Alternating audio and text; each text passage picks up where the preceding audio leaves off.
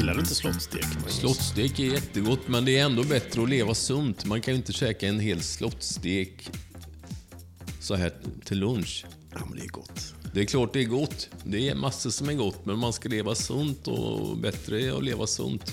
Det är mycket bättre.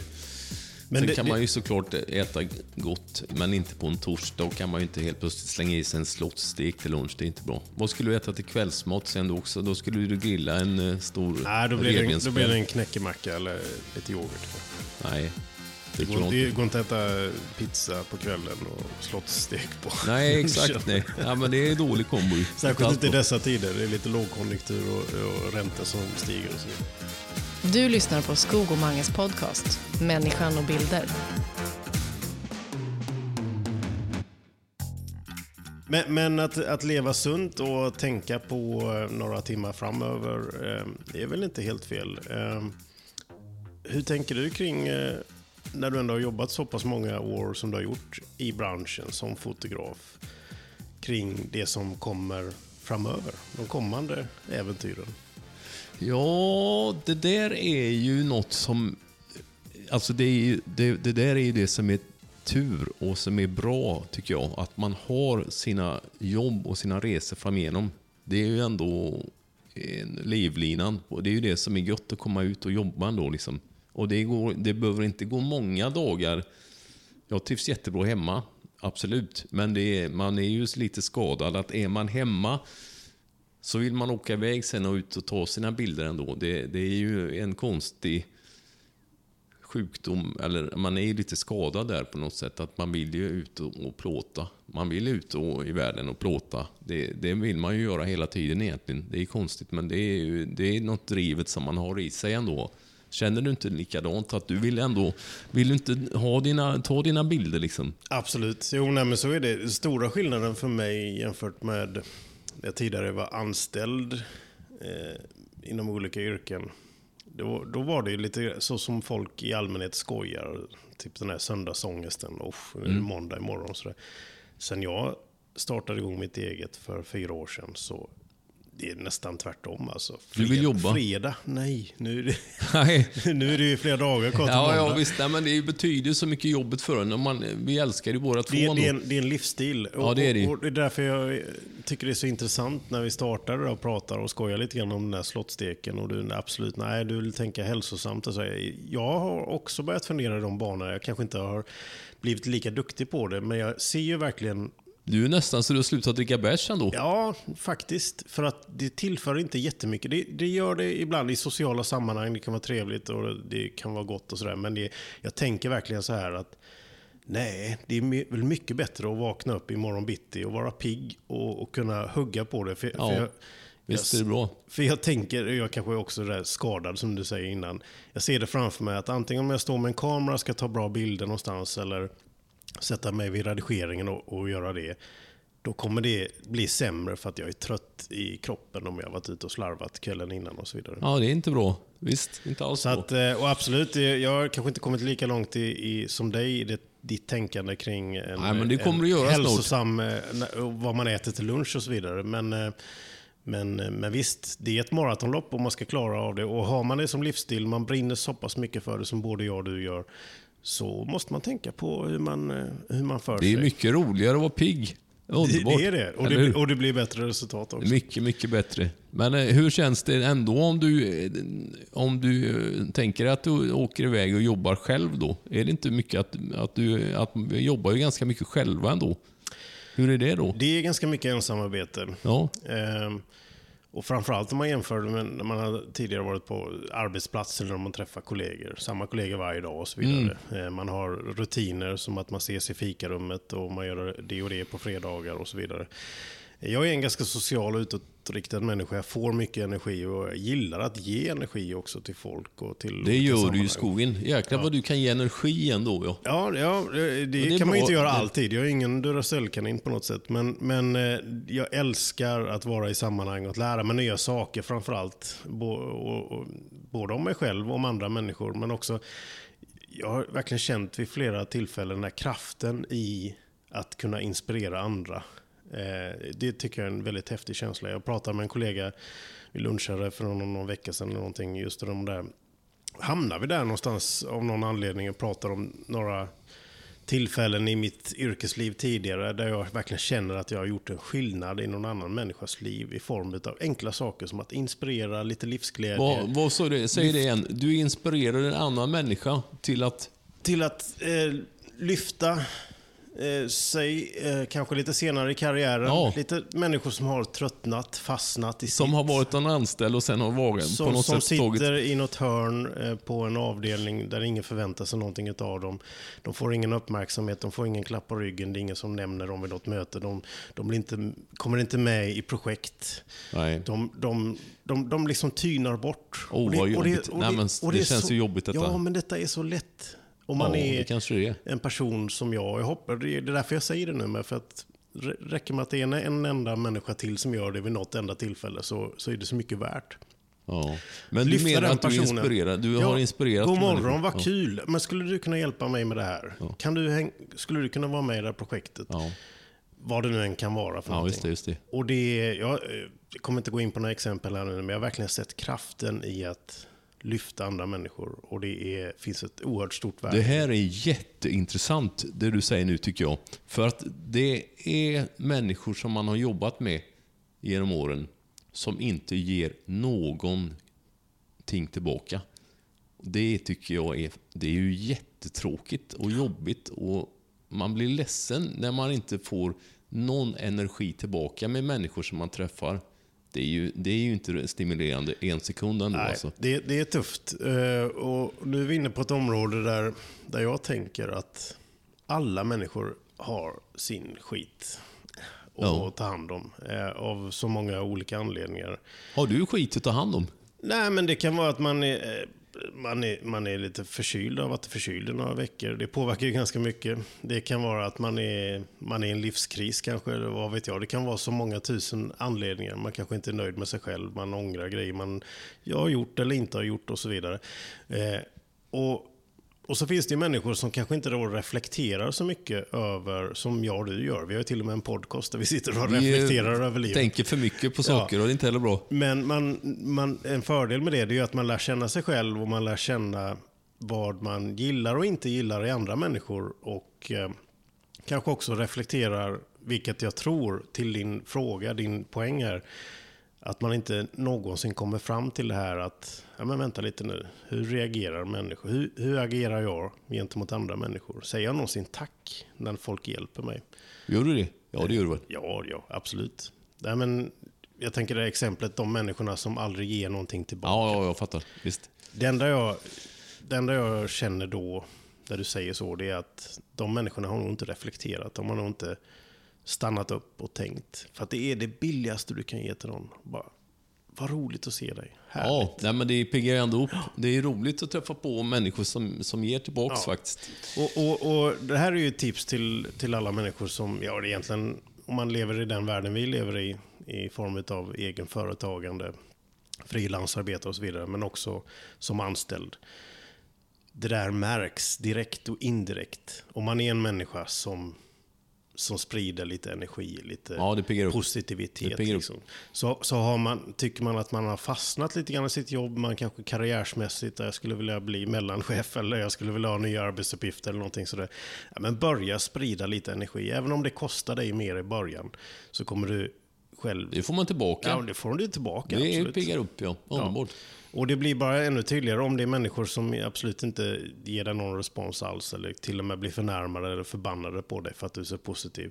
Jag, jag har fått den kritiken själv. Jag har blivit inkallad till möten och där folk har sagt du, du är för positiv, du får oss andra att verka dåliga och det, tråkiga. Det, nej, men det, menar du det? Ja, helt Nej. säkert.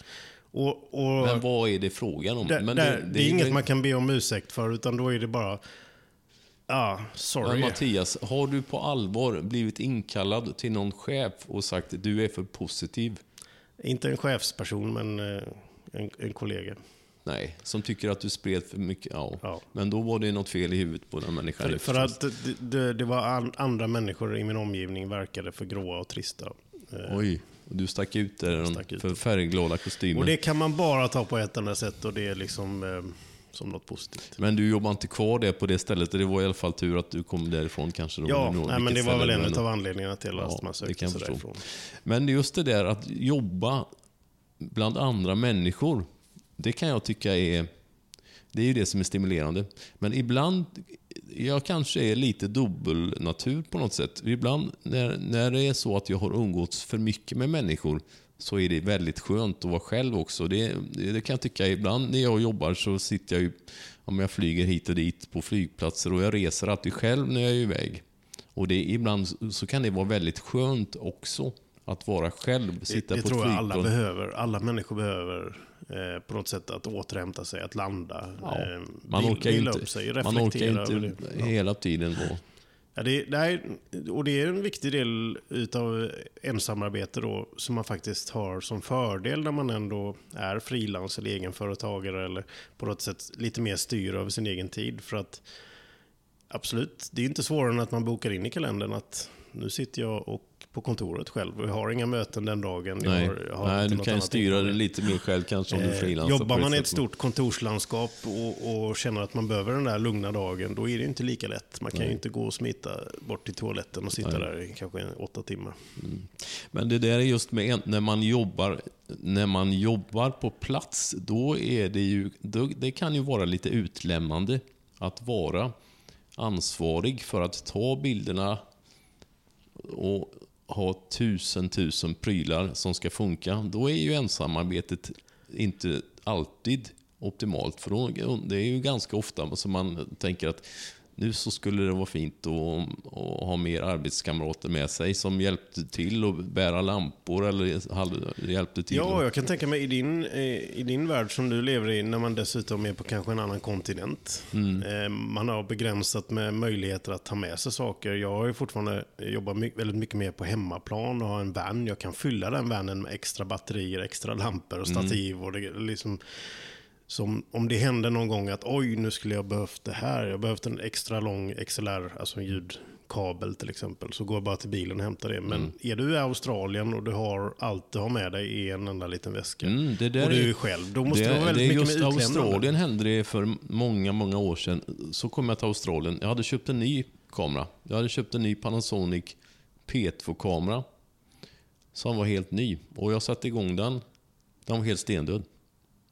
Då är det, det är inte jättekul när man ska börja filma precis och så bara...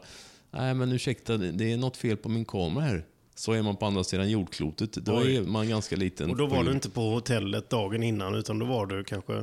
Nej, då var jag på Du plats. Då var jag på plats på Formel 1-banan där och vi skulle börja filma reportage.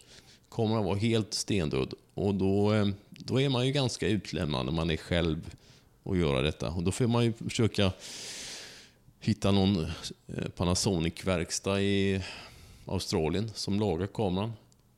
Och det, till slut så löste ju sig det.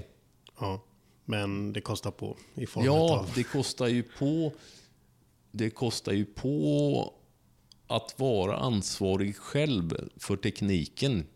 På något sätt. Och det är kanske lite därför som jag egentligen inte gillar teknik så mycket. För att så länge det funkar så är det kul. Men när teknik strular och man är själv med det. Det är ju en mardröm. Ja. Det är inte konstigt att man är gråhårig egentligen. Alltså, för att det, det, det påverkar en väldigt mycket. Tekniken som inte funkar. Det är inte kul alltså. Men, men har det lett till att du har backup-system till exempel? Att du har en extra Nej, det kamera? har eller- jag faktiskt inte. Det händer ju ibland. Det beror ju på vad det är för grejer. Det, det beror ju på vad det är för grejer. Men man, om det är så att man reser iväg med kamerautrustning så vill man ju inte å andra sidan bära med sig för mycket grejer också. Det där är ju, har vi pratat om innan också. Att ha med sig för mycket grejer när man jobbar. Det är inte heller bra. Nej. Eller jag, Nej. jag är ju, där är vi helt olika tror jag. För jag har med mig minimalt allt. Jag har inte med mig, jag har med mig för lite grejer ibland. Mm. Hellre än att missa grejer framför allt. Det finns jättemånga fördelar och nackdelar med det där. En, en stor nackdel med att ha med sig för mycket grejer. Man har för många valmöjligheter. När man kommer in i ett rum och man ska ljussätta det. Jag kan ta in den lampan, jag kan ta in den lampan, jag kan ha två kameror eller en kamera och så vidare. och så vidare. Eh, är man själv så har man ju mycket att släpa på. Det är ju kanske den jobbigaste, tråkigaste delen av alltihopa. Det är att Ja. bära C-stands och, och, och krångla.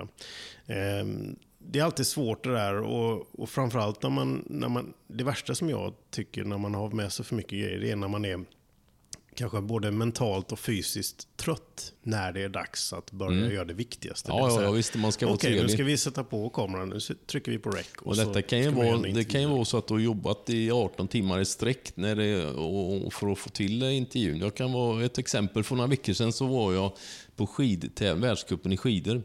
Då hade vi jobbat väldigt många timmar och då fick vi en tid utav skidlandslaget att vi skulle träffa Kalle Halvarsson. Och jag som vanligt reser ju lätt och tycker inte om att ha för, Jag tycker inte om att framförallt ljussättningen så tycker jag ofta inte om att ljussätta för mycket. Så vi kom till hotellet och det var kolsvart och vi försökte hitta ett litet rum som hotellet där vi kunde vara. Det, är all, det är fortfarande krångligt att jobba med, med skidåkaren för de är nojiga. Så vi får, man får ha munskydd hela tiden och man får hålla avstånd. Så det är ganska svårjobbat på det viset. Men då till slut så hittade vi det vet du om det vi fick vara i ett gammalt fururum som ser ut som en gillestuga från ja, när det var populärt med sådana här trärum som ser ut som en bastu egentligen. Och det hängde en liten lampa. Och jag hade ingen lampa med mig. Men det där är ju det fina då, att oftast är folk hjälpsamma. Så jag frågade hotellet, "Nej, men ursäkta det var så mörkt, kan vi låna lite lampor? Så jag gick runt och lånade fyra, fem lampor i olika matsalen och i köket och sen, det blev en, sen till slut så hade man ljusat jättefint. Det blev en jätte, jätte, jättefin synkbild. Mm. Ja, det, det är fantastiskt. För, för det, där närmar vi oss ett eh, område med som jag var på väg att snudda vid nyss. Och det är att har man med sig för mycket grejer, då har man också kanske en bestämd uppfattning hur man gör saker och ting. Jag, jag har gjort det så många gånger. Man sätter upp samma keylight, det vill säga huvudljus och liksom sådär. Man har med sig alla grejerna och det blir ganska platt och man blir till slut nästan trött på det själv. Men att vara lite mer uppsökande, utforskande, vara lite mer kreativ. Tänk om vi gör så här, vi kan studsa ljuset mot de här gardinerna eller man letar mm. utrymme. Nej, men det kan bli levande på ett ja. annat sätt tycker jag faktiskt. Och framförallt så är, tycker jag alltid om bäst om dagsljus. Ja, det- att, det- att, att sitta bredvid en fönsterruta, det, det tycker jag är det finaste Absolut. ljuset ändå faktiskt. Att, Men jag tror nog vi- vi kan summera det som att, att bära på jättemycket grejer, det är nog inte jättemånga människor som tycker det är kul. Eh, nej, men du gör ju det. mycket. Ja, jag- du lite du för har ju alltid med Ja. dig för mycket grejer känns det som. men, ja, tack. Eh, Nej men det var ju inget, jo det var ju klart att det var kritik. Man får jobba, det, är inget, det, är inget, det är väl klart att det är bra att ha med sig mycket grejer. men det kan också vara lite sådär, man Men risken är att man själv. missar bilder, har vi snackat om innan också. Det finns en risk och framförallt tror jag det speglar kanske fortfarande lite grann en osäkerhet. Jag är relativt ny, i, jämfört med dig i alla fall, i den här branschen. Jobbar ganska brett. Jag är inte nischad heller som du, det vill säga att man gör det låter det kanske som kritik, men det är det inte. Men att man gör samma sak om och om igen. Utan väldigt brett, olika sorters produktioner. eh, Vitt och brett i olika sammanhang. Och då blir det att man behöver en bredd av utrustning. Man behöver många olika kameror. Man Absolut. behöver Nej, men jag har man ju behöver- bredden. Ja. Sen att jag gör mycket samma, det är ju för att jag tycker det är roligast. Men det är ändå så har jag ju gjort bredden och jag har gjort allting som finns egentligen. Så jag vet väl vad som behövs eller inte. Men, det, men jag tycker överlag att att släpa för, för mycket grejer är onödigt. Mm. Ja, men det, är, det är jätteintressant, för, för att jag är inne i en sån period nu när jag, efter att ha under tre års tid samlat på mig oerhört mycket grejer. Delvis den förklaring jag nyss gav, men också det att jag kände i början att jag kanske behöver jobba i kapp lite grann. Jag behöver ha ett högre tempo för att komma dit än jag vill. Jag vill liksom inte eh, bli färdig med mina skills, mina erfarenheter när jag är 65 och så det första jag gör då är att gå hem i pension. Utan jag vill ju jobba i kapp de åren jag inte har jobbat som fotograf. Ehm, Hur många år är det nu då som du har? Är det, vad är det fyra, år? Fyra år ungefär kan man Som säga. du har kört som jag eget kört då, ja. eget och på heltid. Men du, eh, hade du, har inte jag pushat på dig lite från början att du skulle köra eget? Ja, det, så var det ju absolut. Man, Om man, just det eh, att, som vi pratade om innan, om att knuffa på folk och ta steget. exakt, och, och det, Jag knuffade på dig lite det tror det jag. gjorde du. Jag kommer inte ihåg med ord, men jag kommer ihåg bara med din uppenbarelse och kopplat lite grann till det där innan, att bara att vara nära och vara positiv och sprida energi, så vet jag att jag inspireras väldigt mycket av bara det. Nej, men att det går att vara en sån människa som vi är. Eh, både plus och minus. Men att, att köra sitt eget, det var nog det första tydliga beviset jag fick. Att wow, man kan verkligen göra det här. I mitt huvud så hade det varit en frågeställning under ganska lång tid. Kan Okej. man verkligen? Ja, det kan man. Går det verkligen att tjäna tillräckligt mycket pengar på det så att man kan leva på det och, och så vidare? Eh, och framförallt, mår man bra utav det, verkar man ha ett gott liv. Ja, ja men och nu mår när, vi när jag lärde känna dig så insåg jag att det kan man ju absolut. Ja, du käkar i slottstek på dagarna så du verkar ju det verkar gå oerhört välmående och bra faktiskt. Ja. Eh, det Ja, ska det är man vara försiktig med i dessa tider kanske. Så det blir nog ingen slottsteg till lunch. Nej, då blir det ingen slottstek. Det blir lite bananer, men det ordnar sig. Men hur tänker du kring eh, att utveckla dig själv? Jag ställde en fråga innan, jag tycker inte jag fick något svar innan. Men eh, hur jobbar du framöver? Eller har du hamnat i ett läge i din karriär där du är lite där du är bekväm? Att du har gjort allting och vet hur Men du du, vet du vad? Vi, vet du vad? Det kan vi inte återkomma till det. För jag tänkte ändå, just, jag tänkte på, vi har ju träffat en, eh, vi träffade ju innan min eh, gammal kollega, en gammal kompis till mig, Max Grindahl, som har ju ändrat sitt liv ganska mycket ändå. Det är spännande. Ja, men undrar, kan vi inte lyssna på vad Max säger så länge så kan vi återkomma så småningom lite mm, om det andra. Max har ju då alltså ändrat från att varit reporter i alla år och redaktör på TV4 så har han börjat ut och filma. Det är en ganska stor skillnad kan jag tänka mig. Ja. Jag känner inte Max lika väl som du gör, men jag har ju sett honom i tv-rutan, står där i redaktionen, Mm. eh, ute på stora evenemang, eh, ja, vad kan det vara, OS, fotbolls-VM och så vidare. Som ett ankare. Och eh, nu, Nu har han sent i karriären, så är Ja. han en sån som oss. Ja, men vi lyssnar vad han har att säga. Detta är roligt för du sa det själv innan. Nu har vi nästan bytt jobb du och jag. Ja, Jag tycker det är jätteroligt att ställa frågor. ja, och jag lever för filmeriet Ja, vilken grej. och klippa. Ja, Ja, men så här, mediebranschen går väl åt eh, det hållet lite att, att på min arbetsgivare TV4, för TV4 är ju fortfarande så att, att våra egna evenemang som fotbolls-VM nu senast i Qatar, det får kosta pengar. Dit skickar man folk och det, det får kosta vad det kostar. Men alla rättigheter som inte är våra, till exempel en världscup i skidskytte eller skidor, de åker ju jag på ensam numera. Precis som Mattias Tjärnström, min kollega, Mm. åker också. Och, och då filmar vi själva. på TV4s sportredaktion Ja, kan man säga att du jobbar. ja, det kan man göra. Ja, hur länge? Du har jobbat länge nu. där. Jag fick ett samtal från Peter Gide och Artur Ringart våren 1900... Känner du hur gammal när jag säger 1900? Nej, Ja, det roliga är att du är äldre än mig. Så det är, Ja, 1998. Hej, kan du komma och sommarjobba här hos oss på sporten? Och anledningen till att jag ens fick samtalet, det, det har ju med oss att göra. Du filmade i stort sett allt jag gjorde på lokal-tv. Vi skickade upp grejer på Rikset och de visste att det fanns två nissar i Halmstad som Ja, så det kunde ja, grejerna. visst. Ja. Och sen jobbar jag sommar 98 och sen kom jag tillbaks till lokal-tv i Halmstad och var väl där i ett halvår innan jag flyttade upp till Stockholm. Ja. Jag, jag tycker det är väldigt fascinerande Max eftersom du har varit så många år som redaktör och framför kameran i alla möjliga sammanhang. Och eh, det måste ju ändå ha varit en stor skillnad när du, när du är själv och får, får göra väldigt mycket mer för att Ja. det ska bli bra. Ja, Och eh, lite sent i karriären tvingas lära nytt. Hur har Ja. det varit för dig? Ja, men jag, jag känner väl... Eh, det senaste året känner jag att jag har valt fel. yrke i 25 år att jag skulle ha varit den som har filmat istället för att det är så förbaskat roligt. Och jag har ju fått en extrem nytändning i den bemärkelsen att, att eh, ett, man är väldigt flexibel. När det händer något så jag har alltid kameran hemma, jag kan dra på studs.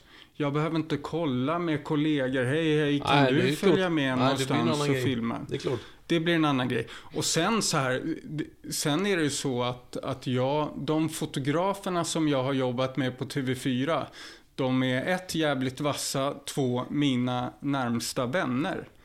Eh, Men de kan jag ju hänga med ändå när jag är ledig. Jag behöver inte ha med mig en kompis till Frankfurt och dra vidare.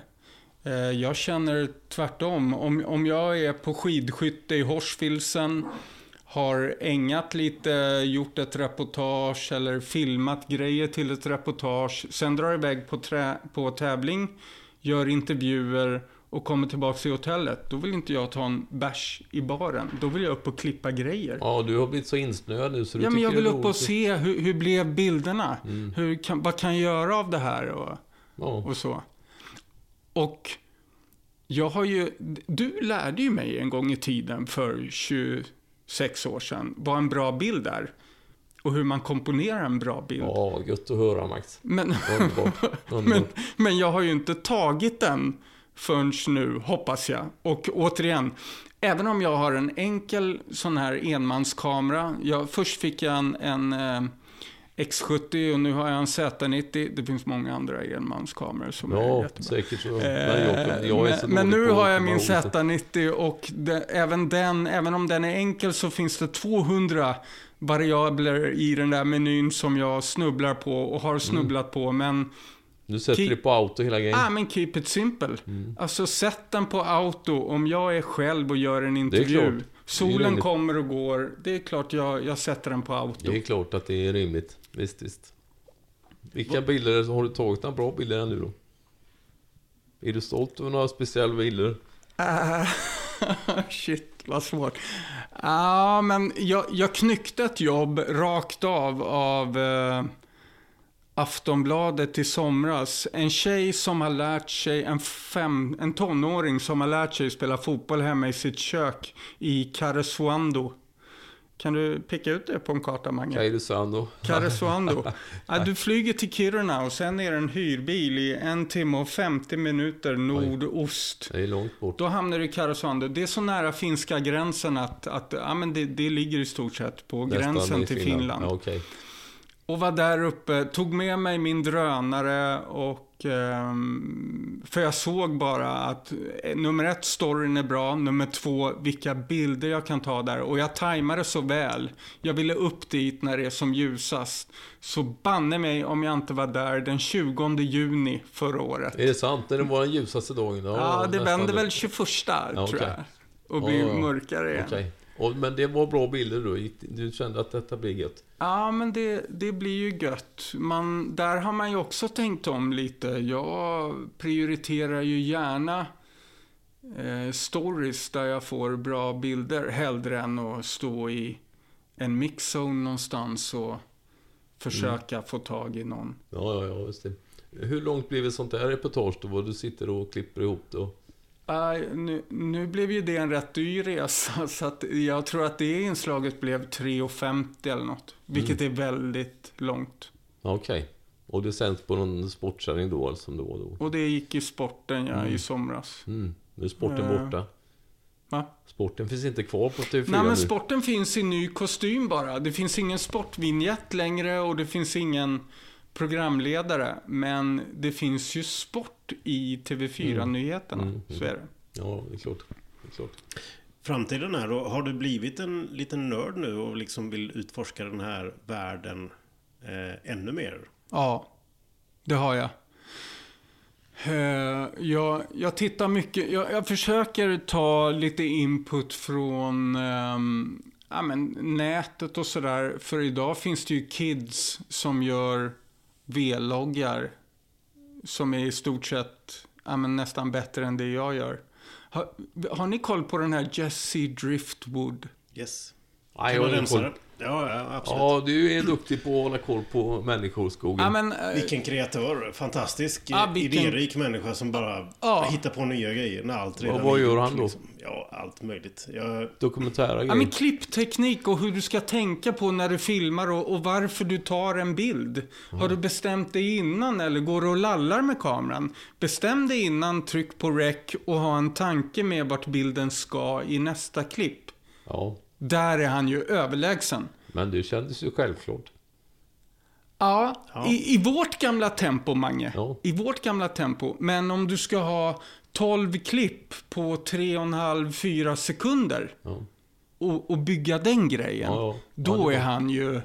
och det är ganska fantastiskt. Vi pratade om det lite tidigare idag, jag och Mange. Det här med att vi hade något historiskt perspektiv i något av våra resonemang i bilen där. Och det var ju, tänk på 1950-talet när det var Ja. hö, vad heter det, trafikomläggning, vänster, höger, omläggning. vänster. Då måste det ha varit någon som tänkte, ja men om vi klättrar upp på det taket och ställer kameran där i den vinkeln och tar den bilden på det sättet. Någon slags innovation kan man tänka sig utifrån Ja. eh, den standarden som fanns då. Men människor vi pratar om nu, 2023, är fortfarande innovation och det finns det ju ganska high-tech grejer och sådär. Den- Det är rätt häftigt tid att leva i liksom. Och Ja. det, det pushar ju oss som jobbar i den här sfären, även om man har jobbat lite längre och är rutinerad, kunnig, så finns det ju unga människor, som du säger Max, som kan oerhört mycket och som driver absolut. på. Ja, men det är ju eh, oerhört stimulerande. Ja, Och, och som kan skapa skitsnygga grejer med den här, med, med, med mobiltelefonen. Ja. Alltså det är ju otroligt. Och vilken häftig, tänker jag, sitter jag på hörnet och reflekterar över vilken häftig utveckling då. Vi har ju pratat med andra i, i podden som har haft eh, andra olika liksom, eh, utvecklingar av sin karriär. Men att gå eh, från det lilla enkla till större och större, häftigare och häftigare evenemang och höra din resa som har varit med om allting.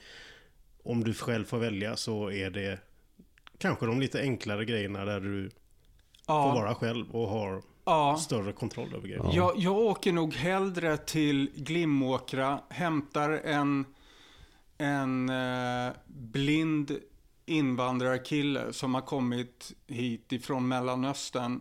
Som håller på med ridsport, hänger på honom till Tingsryd och filmar honom när han utövar sin sport.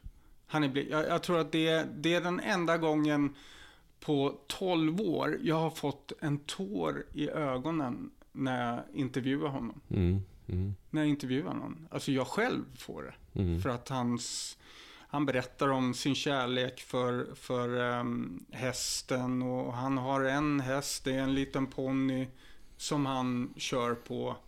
Och det är han och hästen. Nej, Yassin, vilken kille alltså. Mm. Ja, och det är klart att de där mötena det påverkar en ändå. Och Ja. det, jag kan hålla med om det faktiskt att det är inte alltid de största mästerskapen man har varit på Nej. som ger gåshuden och det, det är ofta de mindre jobben som kan vara starka faktiskt. Det är Ja. märkligt.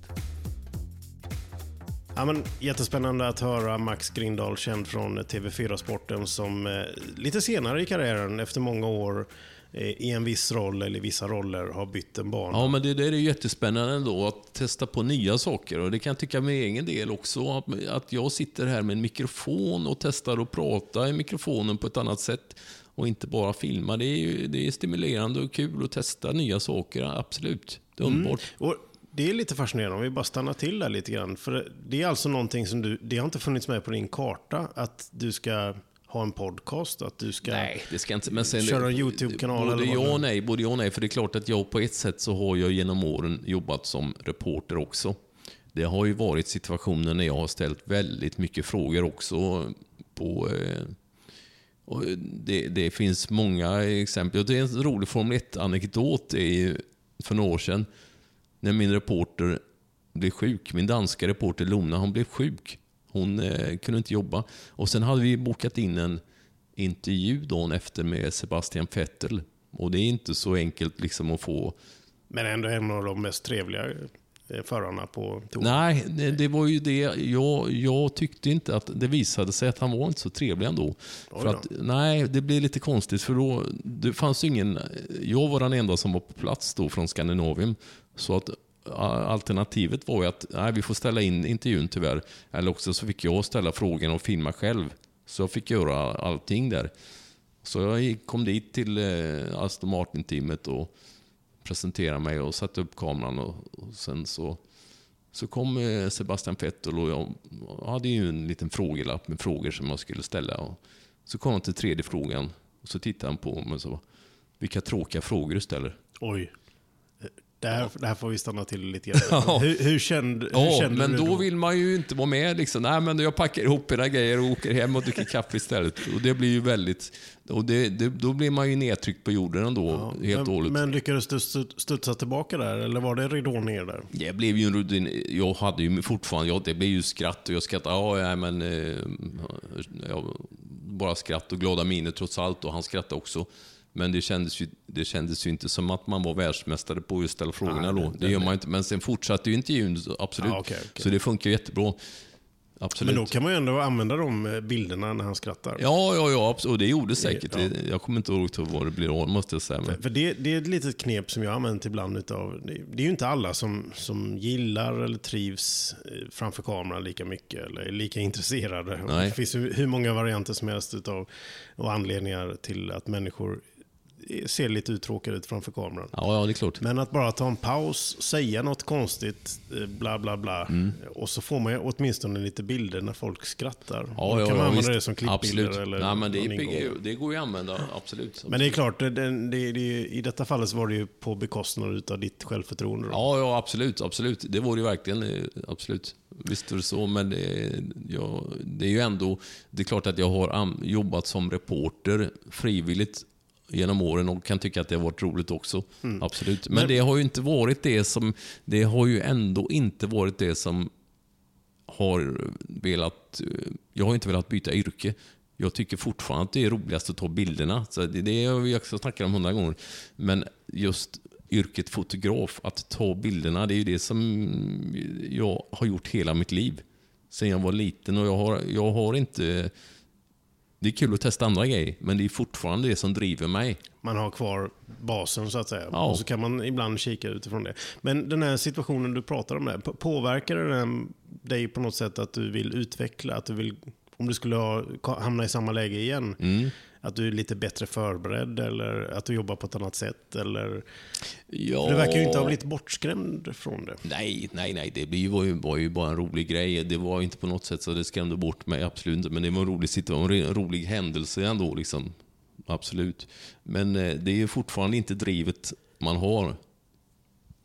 Att, att eh, Nej, ställa frågorna liksom. Dri- Drivet man har, det har man nog i sig i, i grunden så att säga. Jag tycker det är fascinerande och är ganska sökande, har alltid varit det egentligen, när man tittar tillbaka hela livet, är ganska sökande sådär, vill testa nya saker. Ja. Se möjligheter och prova, eh, gärna med lite enklare medel. Eh, Men hur länge kommer du hålla kvar?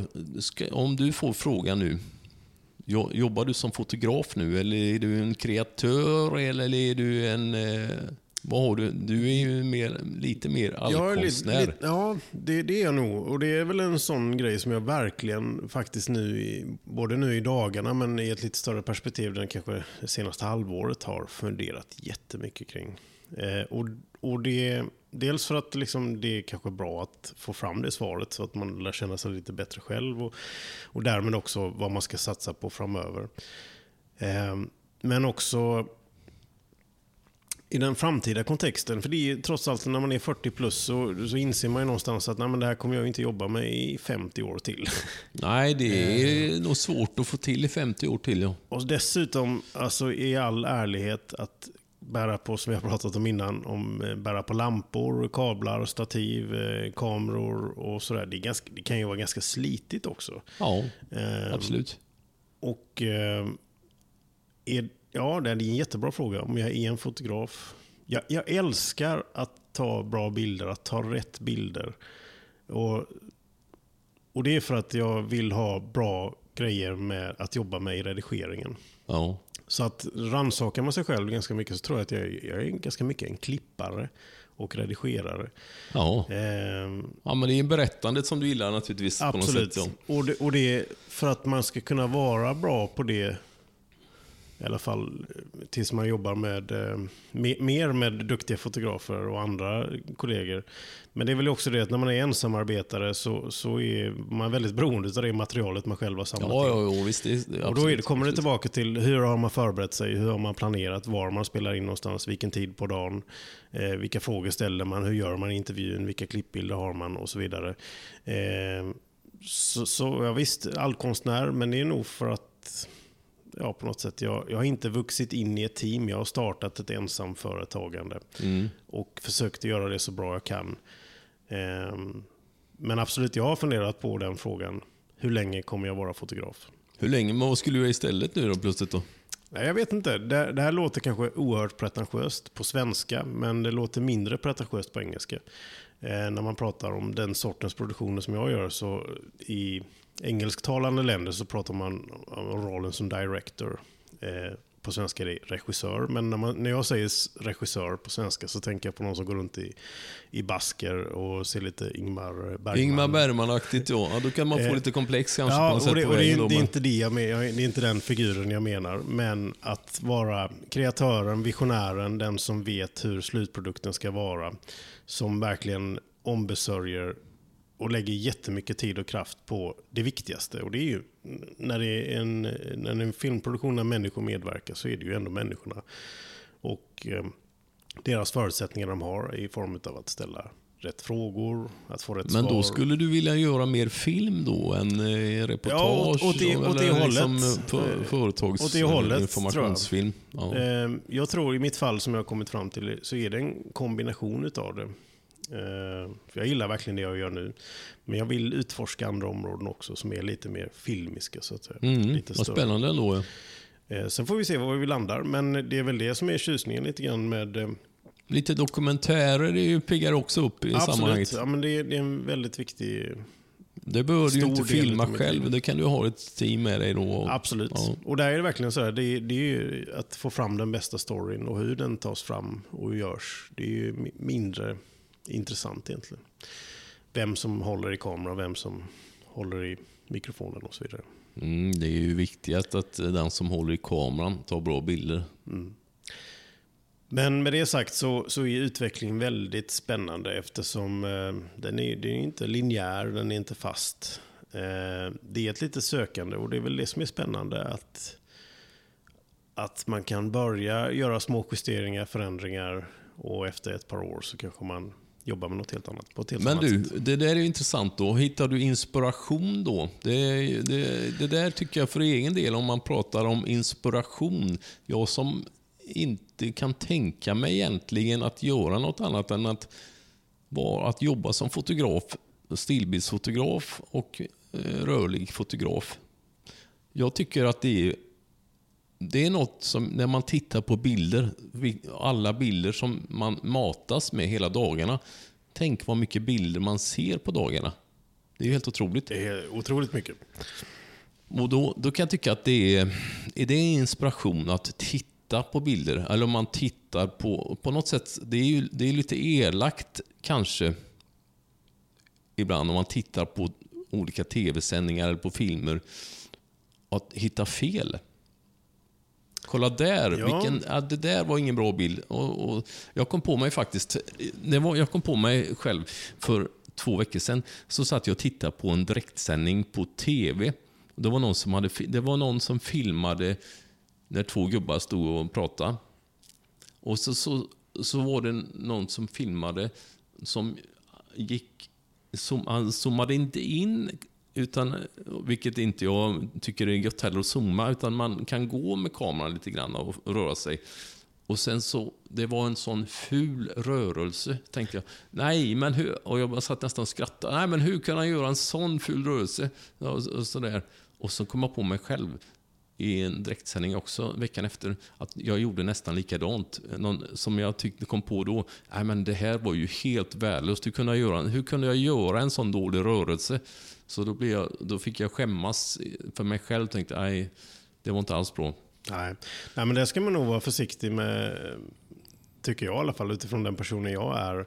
Att, eh, för visst, jag har kommit på mig själv också och kritisera. Bara, "Haha, kolla Mm, vad det är ju dåligt." väldigt lätt. Det Det är är, ju väl, och det är lättaste som finns att kritisera andra och hitta fel. Så jag säger Det, inte... det är det. Ja. Men jag försöker så snabbt jag bara kan och vända på det tvärtom. Okej, hur skulle jag ha gjort istället? Eller hur hoppas jag att jag hade gjort istället? Ja. Men jag känner igen det. Jag, jag har varit, och det, det är det som är med live och direktsändningar och förutsättningar som är, ja det kan vara väldigt olika.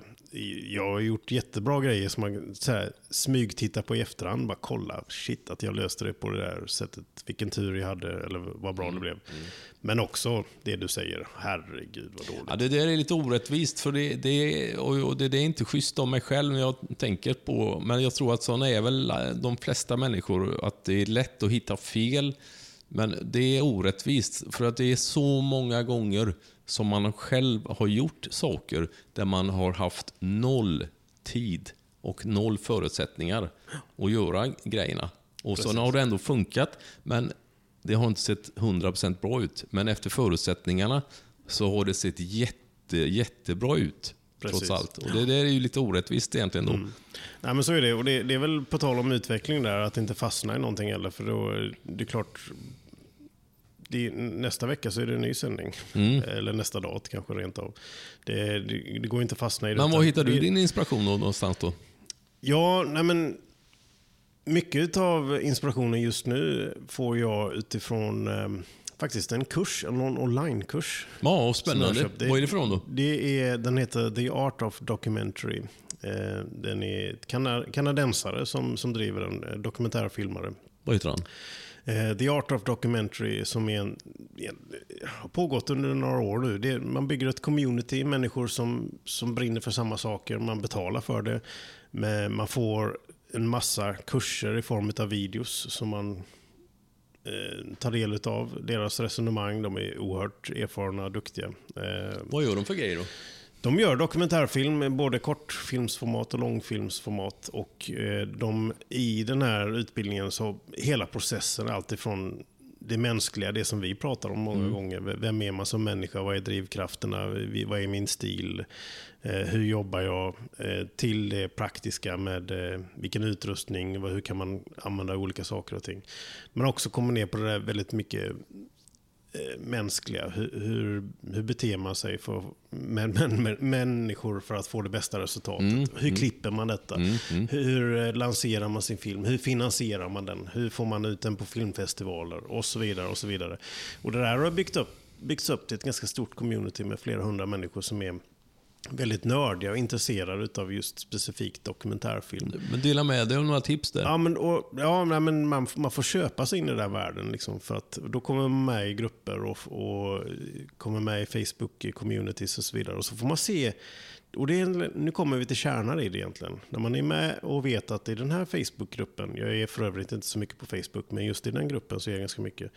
För här finns det 500 personer som mer eller mindre är lika passionerade som jag är kring samma sak. Rika insnöade. Och de delar med sig. Och det, det är så häftigt att se, för det är globalt då. då kan du, ja, men här är en fyra minuters dokumentärfilm om en dansare i Buenos Aires. Som har haft en familjetragedi och bla bla bla. Ja, någon story. Mm. Och den här filmen hade jag ju aldrig sett om inte jag hade varit med i det sammanhanget. Nej, nej, men det måste vara stimulerande. Men och- hur och- tänker du? Ja, Tänker du, tänker du i bilder eller berättandet och allting Det, naturligtvis? det är alltihopa och framförallt de som bor i Nordamerika och Sydamerika, de som är de stora representerade delarna av världen i det här communityt, de har ju börjat jobba ihop nu. De reser ju fram och tillbaka och hjälper varandra Ja, i respektive Du får ju dra till. Nordamerika och jag göra lite jag får- film jag får snart då. göra det. Eh, så så de- den delen är man lite avundsjuk på faktiskt. Eh, men, men också det här som vi pratade om lite tidigare i detta avsnittet, det här med att kunna ge saker och ting tillbaka. För att jag till vissa delar, ibland när jag pratar eller diskuterar med vissa människor, så har jag ju kommit en bit längre. Jag har, kan vara rena praktiska, det kan vara en sån här riktigt rak fråga. Jag ska göra en dokumentärfilm om en mo- motocrossförare som kör på banan och regelverket säger att jag får inte ha några mikrofoner på föraren eller på motorcykeln. Hur kan jag ändå fånga upp bra ljud jag är själv, som vi har pratat om idag. Eh, ja, men då kan man tipsa. Ja, men om du använder den här utrustningen så har du timecode och då kan du sätta den eh, innanför hjälmen. Du kan ha myggan ner där i pannan. Du kan också micka upp eh, mekanikerna till exempel. Mm, För då får du lite soundbits där när du kommer in i depån. Mm. Och de börjar prata om varandra. Ja, Växlarna krånglar eller någonting så du kan plocka upp sådana grejer. Så då blir det ett resonemang man kan tipsa om. Man har ju då kollegor som jag och du som känner varandra väl. Men jag har också 500 andra kollegor Mm, som jag inte känner så väl. Men som håller på med samma saker Ja, ja, men varje det måste dag. vara kul in och ut i ja, alla visst. möjliga jo, nej, men det är väl bra ändå. Det måste vara gött ändå. Och det inspirerar mig jättemycket. Sen, Mm. är, sen är det den där egentligen där jag började för fyra år sedan. ehm, lever kvar till viss del och det är ju YouTube Academy. Alltså sitta Mm. och kolla på YouTube. Det gör du hur mycket som helst ska jag tänka mig. Eh, jag, jag gjorde det hur mycket som helst. Jag har minskat det betydligt nu. För att det är trots allt ganska koncentrerat kring teknik. Eh, mycket prylar, de senaste kameran och så vidare. Och det, det är i takt med att jag har mognat som, eh, som filmare så inser jag att det, det är det är inte så mycket teknik utan det handlar om många andra saker som Visst. är betydligt viktigare. Ja, ja, men intressant faktiskt. Det är verkligen intressant. Men eh, ibland, det kan ju vara så om man jobbar otroligt intensivt och man kan jobba hur mycket som helst, flera veckor på raken. Då man kan bli lite mätt ibland på bilderna. Upplever du inte det? Att nej, nej nu måste jag stänga av bildflödet i en, Absolut. två dagar. Så är det. Det, det är väl en, eh, den stora faran med att brinna jättemycket för någonting och dessutom skapa de förutsättningarna så att man försörjer sig. Man jobbar enbart med det man trivs allra bäst Ja. med. Och det är ju rädslan för och risken för att på något sätt bränna ut det, att bli trött på Ja, det. visst, visst. Eh, och då, då finns det väl inget annat, jag har inte kommit på något annat i alla fall, än att bara stänga av Ja, och stänga bara av lite grann. gå iväg och, Man kan stänga och sätta sig någon Men det är fortfarande den känslan och det, det, det, har hänt, det händer fortfarande, i alla fall ganska ofta, den där känslan när man tar en bild och tänker helvete må detta bli bra. Och det är den känslan och pirret i magen när man ser i söken, fy fan vad bra detta blir. Det, det är så gött. Det är, det är så underbart skönt känslan fortfarande. Hur gött som helst. Det är fascinerande efter så många år så är det de små grejerna som ändå gör det. Ja. Som Max och du var inne på tidigare. Eh, det kan vara de små stunderna eh, långt När allt ifrån faller- de när stora allting faller på plats. Mm. När allting faller på plats. Och det är häftigt för då vet man att det där kan komma när som helst igen. Mm. Och det behöver inte vara på de stora scenerna. utan Nej, det, kan det är vara, underbart. det kan vara senare i eftermiddag.